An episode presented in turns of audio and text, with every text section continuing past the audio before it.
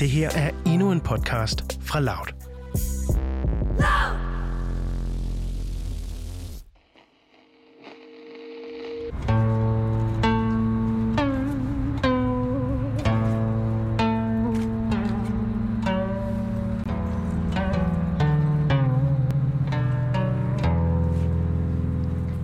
Der bliver delt lys ud på plænen foran domhuset i Nashville, Tennessee. En ung asiatisk-amerikansk kvinde stiller sig bag en mikrofon på trappetrinene op til domhuset. Hendes tøj er sort. Det samme er hendes mundbind, og hun holder et stykke papir i hånden med en lang tekst, hun har skrevet på forhånd. We come together to honor, to mourn, and to grieve eight innocent people who were violently taken from us. Vi er ved en mindehøjtidlighed for de otte mennesker, der i sidste uge blev myrdet under skyderierne mod tre spag- og massageklinikker i Atlanta. Fire timers kørsel sydøst for Nashville. This could have happened to anyone in my community, including the ones that I love and care most about. Solen er så småt ved at gå ned i Nashville, og de hundredvis af fremmødte af alle etniciteter står med tændte sterinlys i hænderne. Hate against Asians and Asian Americans is not new. I know that firsthand. Flere af de fremmødte står med et stykke papir i hænderne, hvor der står Protect Asian Lives. I've made that call to my parents, begging them, please, to not allow my grandparents to go on their daily evening walks alone. Please, be safe on your way to work. Please, please be safe.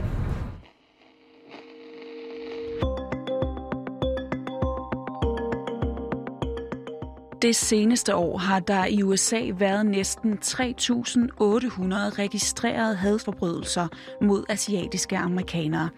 Det er en markant stigning. Men racismen og hadet mod asiater i USA er langt fra noget nyt.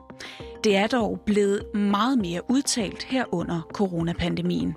Og da otte mennesker, heraf seks asiatisk-amerikanske kvinder, i sidste uge blev dræbt, så kom der for alvor fokus på det her. Og de fleste af jer har nok set hashtagget Stop Asian Hate rundt omkring på de sociale medier. I udsyn i dag ser vi nærmere på den her racisme og på hadet mod asiatiske amerikanere. På hvordan det er opstået, hvorfor det er eskaleret, og på hvordan opgøret med det adskiller sig fra det, vi så med Black Lives Matter.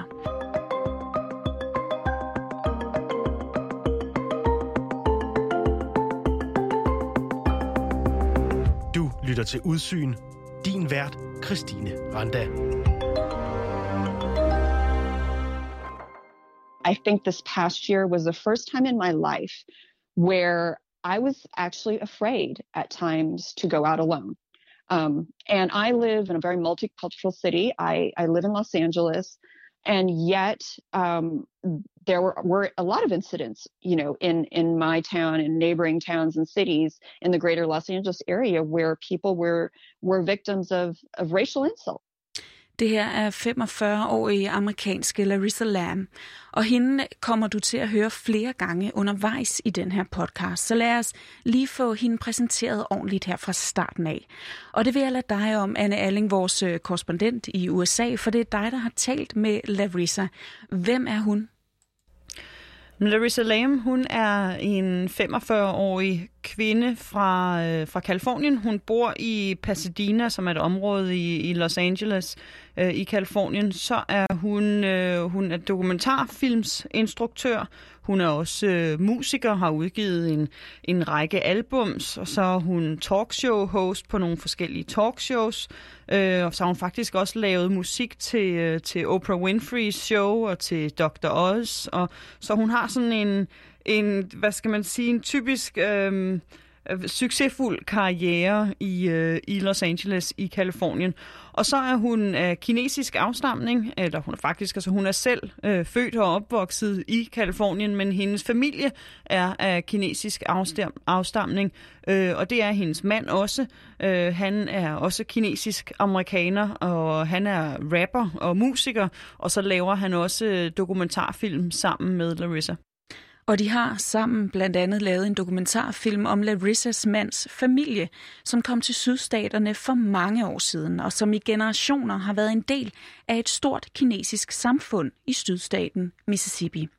De fleste er nok ikke klar over, at øh, kort efter den amerikanske borgerkrig, der flyttede mange kinesere til blandt andet Mississippi for at arbejde i landbruget, blandt andet med bomuld og de levede i det samme raceadskilte samfund, som de sorte amerikanere gjorde. De havde heller ikke lov til at gå i de hvide skoler, handle i hvide butikker osv. Det er altså bare de færreste amerikanere, der ved det, og det smitter ofte af på den måde, de ser på de asiatiske amerikanere på. Um, if you look at someone Asian who has an Asian face in America, most people will automatically think, oh, they must be from another country, that they weren't born here. They might speak with a foreign accent.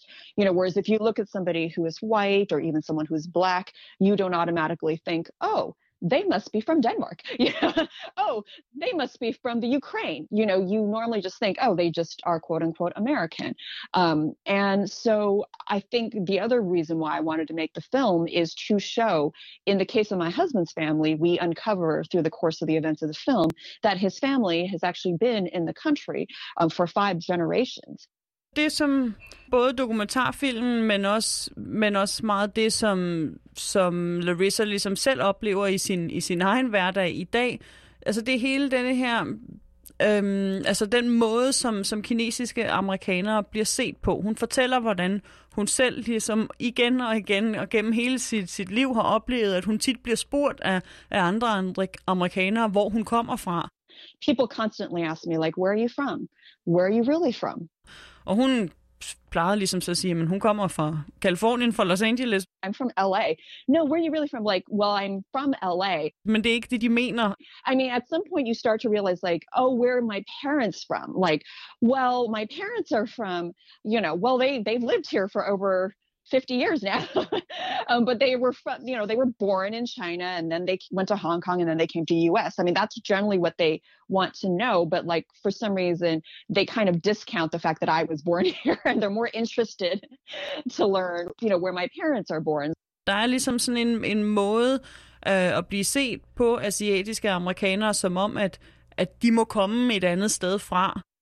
Og Larissa og mange andre asiatiske amerikanere føler, at de bliver set på som øh, den evige udlændinge eller den evige fremmede, selvom de er født og opvokset i USA.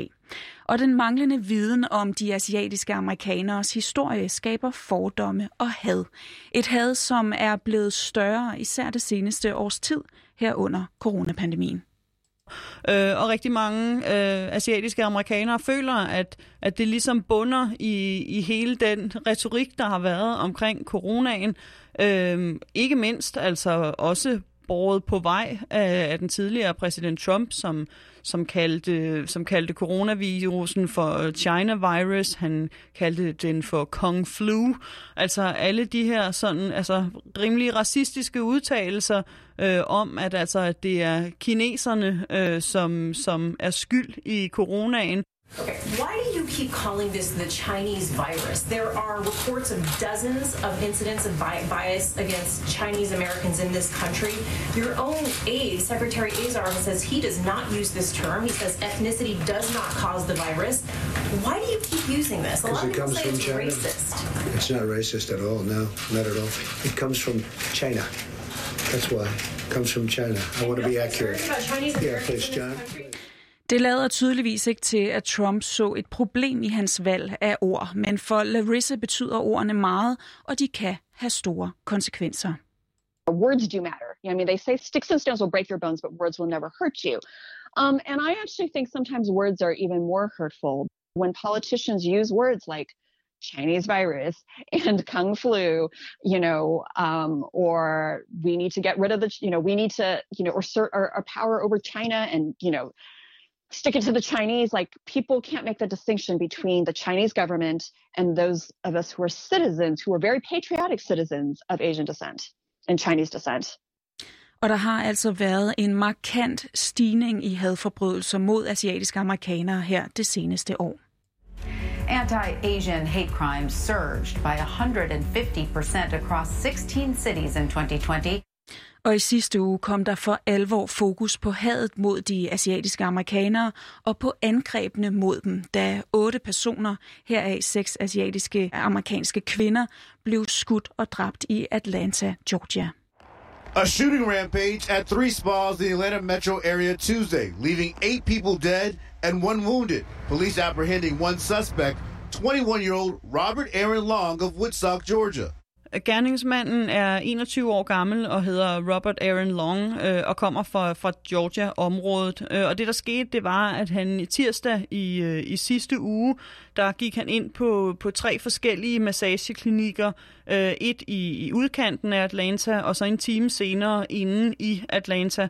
Og her der skød han og dræbte han så otte mennesker, hvoraf seks af dem var asiatisk-amerikanske kvinder. Øhm, og hans forældre faktisk, de hørte i, i nyhederne, at det her det foregik. Øh, og de ringede til politiet og sagde, at de troede, at det var deres søn, der var gerningsmanden. Og øh, på den måde så fik politiet så sporet hans telefon, og så fandt de ham, øh, så fandt de ham nogle 100 km syd for Atlanta, hvor at han fortalte, at han var på vej til Florida for at dræbe flere mennesker inden for pornoindustrien, sagde han. Og det viste sig da også, at gerningsmanden angiveligt ikke var motiveret af et had mod asiater, men at han, ifølge ham selv, var sexafhængig og ville udrydde en fristelse. Derfor ser politiet det heller ikke som en hadforbrydelse. Men det er der mange, der synes er forkert. Det, der har været argumentet øh, fra, fra både Larissa, men, men også mange andre, som er ude og ligesom protesterer øh, mod de her drab, og altså sætter det i forbindelse med, med antiasiatisk øh, racisme, jamen de siger, at, at der er et direkte link mellem øh, sådan hans, øh, hans seksuelle racisme og så racisme mod asiater, fordi de mener, at det er et udtryk for for den måde, som, øh, som asiatiske kvinder tit bliver set som sexobjekter på. Og det er da også sådan, at størstedelen, eller mere præcist 68 procent af de næsten 3.800 registrerede hadforbrydelser mod asiatiske amerikanere her det seneste år, ja, de var mod kvinder. Anne, hvordan kan det egentlig være? Jamen altså, det hænger ifølge mange, som jeg har talt med, sammen med, med denne her altså objektivisering øh, øh, af den måde, som, som nogen ser på, på asiatiske kvinder på, altså som øh, sexobjekter, øh, at, at, at det ligesom spiller med i, øh, i racisme og altså imod overfald mod dem. Øh, så det er noget af det. Øh, og så siger Larissa også, at hun føler tit, at, at nogle af de fordomme, der er mod øh, asiater, asiatiske amerikanere, det er ligesom, at de er svage. Because we're not going to fight back, right? Or that's the perceived idea, is that we're weak. Men nu er der altså flere asiatiske amerikanere, der går på gaderne og siger tydeligt fra.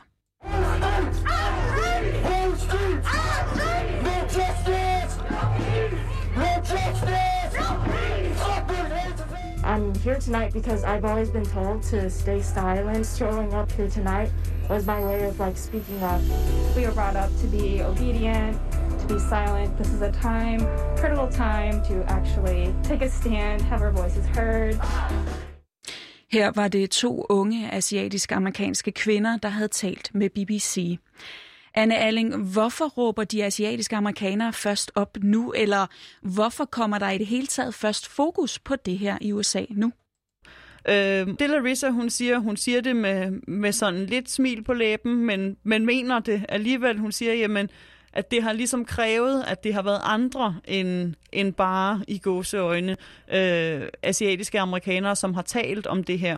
Like it's only because members of the white community start speaking up about anti-Asian violence that we're starting out now starting to get some attention because just the Asians talking about it didn't make much of a difference. You know, we needed white people to say this is wrong. Hun siger, jamen det er nu ligesom, at de hvide øh, kommer med ombord, også øh, sorte amerikanere, for eksempel Black Lives Matter, som ligesom er ude og bakke op om asiatiske amerikanere sag nu her, at det er blevet en, en større sag, som, som flere forskellige grupper af det, af det amerikanske samfund nu tager del i, øh, og er med til at give øh, de asiatiske amerikanere en stemme, som, som de ligesom ikke rigtig har haft, når de har stået alene. Og ifølge Larissa, så har de ikke haft det, blandt andet fordi, at de asiatiske amerikanere ikke har så mange store kendte talsmænd, som for eksempel de sorte amerikanere har. we don't have a Jesse Jackson. We don't have an Al Sharpton. You know, we don't have a LeBron James. Yes, we have some Asian American celebrities that thankfully haven't, you know, speaking out, but we don't have the same level, you know, of influence as some others. Now, that's not to say the Black community, you know, obviously has um, all their problems solved, and they obviously, you know, have you know issues like we discussed before. But in in terms of that arena, you know, they they they were able to bring up these issues. Uh, they have a louder micro, microphone and a louder, louder ma- megaphone than us. Hun ser det dog som en fordel, at USA nu har en vicepræsident, som er sort, men som også er af asiatisk afstamning. På den måde så får øh, så får den asiat, det asiatiske samfund ligesom en, en repræsentant i toppen af samfundet, om man så kan sige, men, men det er ikke til, i samme grad, som for eksempel det, det sorte samfund har, og det føler hun, at det ligesom har gjort, at der ikke har været det samme fokus, både i politik, i, øh, i ligesom borgerrettighedsbevægelse sammenhænge, men også inden for underholdningsindustrien, hvor at, øh, altså, at asiatiske amerikanere bare ikke er brudt lige så meget igennem som, øh, som hvide og sorte. Men lige nu bliver hashtagget Stop Asian Hate i den grad delt, også af kendte personligheder som The Kardashians på diverse sociale medier. Er der en øh, reel bølge i gang nu? Altså, er det nu, at de øh, asiatiske amerikanere får deres, øh, hvad skal man kalde det, deres øh, Black Lives Matter? Det er svært at sige, hvor, hvor stort det, øh, det bliver, eller hvor længe det holder, kan man sige. Altså, folks øh, opmærksomhed, den, den har nogle gange en udløbsdato, men, men der er ikke nogen tvivl om, at det her har fået en langt større opmærksomhed, end, end det har gjort længe. Og det skyldes også, at det her ligesom, det spiller ind i en, i en større bevægelse, som der er gang i i USA. Altså, men det, det spiller ligesom ind i hele Black Lives Matter-bevægelsen, øh, og måden, at der ligesom er et langt større fokus på USA's minoriteter. Men der har altså været mest fokus på de sorte amerikanere, og de protester, vi ser nu, kan da heller ikke helt sammenlignes med Black Lives Matter-protesterne. Jeg var til en mindehøjtidlighed her i, øh, i Tennessee for drabene øh, i Atlanta her i weekenden. Øhm, og der var hundredvis af fremmødte, men det var ikke den, den samme størrelse protester, øh, som vi så blandt andet efter drabet på George Floyd. Så på den måde, hvis man sådan skal gøre det op i, i størrelsesammenhæng, så nej, så har bevægelsen ikke den, den samme størrelse, men, men der er helt sikkert en anden grobund i det amerikanske samfund for, at, at en bevægelse som denne her kan, kan vokse. Anne Alling, lige her til sidst, når jeg hører dig fortælle om den her mindehøjtidlighed og ser billeder og video derfra, og, og når jeg ser på de protester, der har været her efter øh, de her drab i Atlanta, så virker det som en helt anden reaktion, end den vi for eksempel så med, med George Floyd. Hvad handler det om? Er det en øh, kulturforskel, eller er det bare fordi, at det er to meget forskellige sager? Øh, hvad, hvad tænker du, umiddelbart? Øhm, begge dele, øhm, tror jeg. Altså, det er en det er en anden sag, øhm, som Hvordan, det er svært at forklare, og jeg tænkte faktisk rigtig meget på det også selv, da jeg, da jeg gik derfra. Jeg dækkede selv mange af de her George Floyd-demonstrationer, Black Lives Matter-demonstrationerne, som var enormt højlytte, øh, og det her, det var meget anderledes. Altså, det var mere stille øh, og højtideligt, og jeg tror, at at det, det både bygger i, at, at det her måske er, er nyere, øh, det, altså det er et nyere fokus. Øh, George Floyd-demonstrationerne kom imod politivold, som vi har set demonstrationer mod igen og igen og igen. Så på den måde, der er vreden ligesom også øh, ligesom vokset efter, at, at det her er noget, som, som er sket igen og igen. Det her er ligesom et, et nyere fokus, øh, og på den måde, så, så føler, at det ikke er den samme sådan ophobede vrede, som var i i de folk, der mødte op, der var også rigtig mange både øh, hvide, der var rigtig mange, der var latinoer, der var, der var sorte amerikanere, som mødte op for ligesom at bakke op om, om, om, om bevægelsen. Men så samtidig, som du siger, så, så, så tror jeg da også, det hænger sammen med en, altså en kulturforskel. Øhm, der blev spillet, øh, der blev spillet kinesisk øhm, musik øh, på sådan en Øh, ja, og så, jeg ved faktisk ikke helt præcis, hvad den hedder, men sådan en, en harpe, du spiller på med, øh, med fingrene. Øh, meget sådan højtideligt, stille øh, musik, som ligesom lagde an til en anden stemning. Øh, der var to øh, buddhistiske munke også, som var op øh, og, og, og, og sige en bøn for, for offrene. Så på den måde, så, så var det en, et andet, øh, en anden måde at, at mindes på, en anden måde at, ligesom at, at kæmpe for retfærdighed, end, end hvad vi har set tidligere.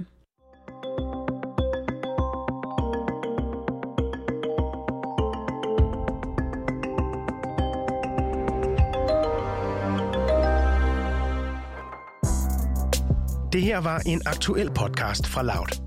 Hvis du godt kan lide at følge med i samfundsdebatten, men ikke kan holde ud og se debatten på DR2, så prøv i stedet vores debatprogram, Touché. Her tager Cecilie Lange og Kevin Sakir aktuelle emner op på en nysgerrig og undersøgende façon. Søg på Touché, der hvor du finder din podcast.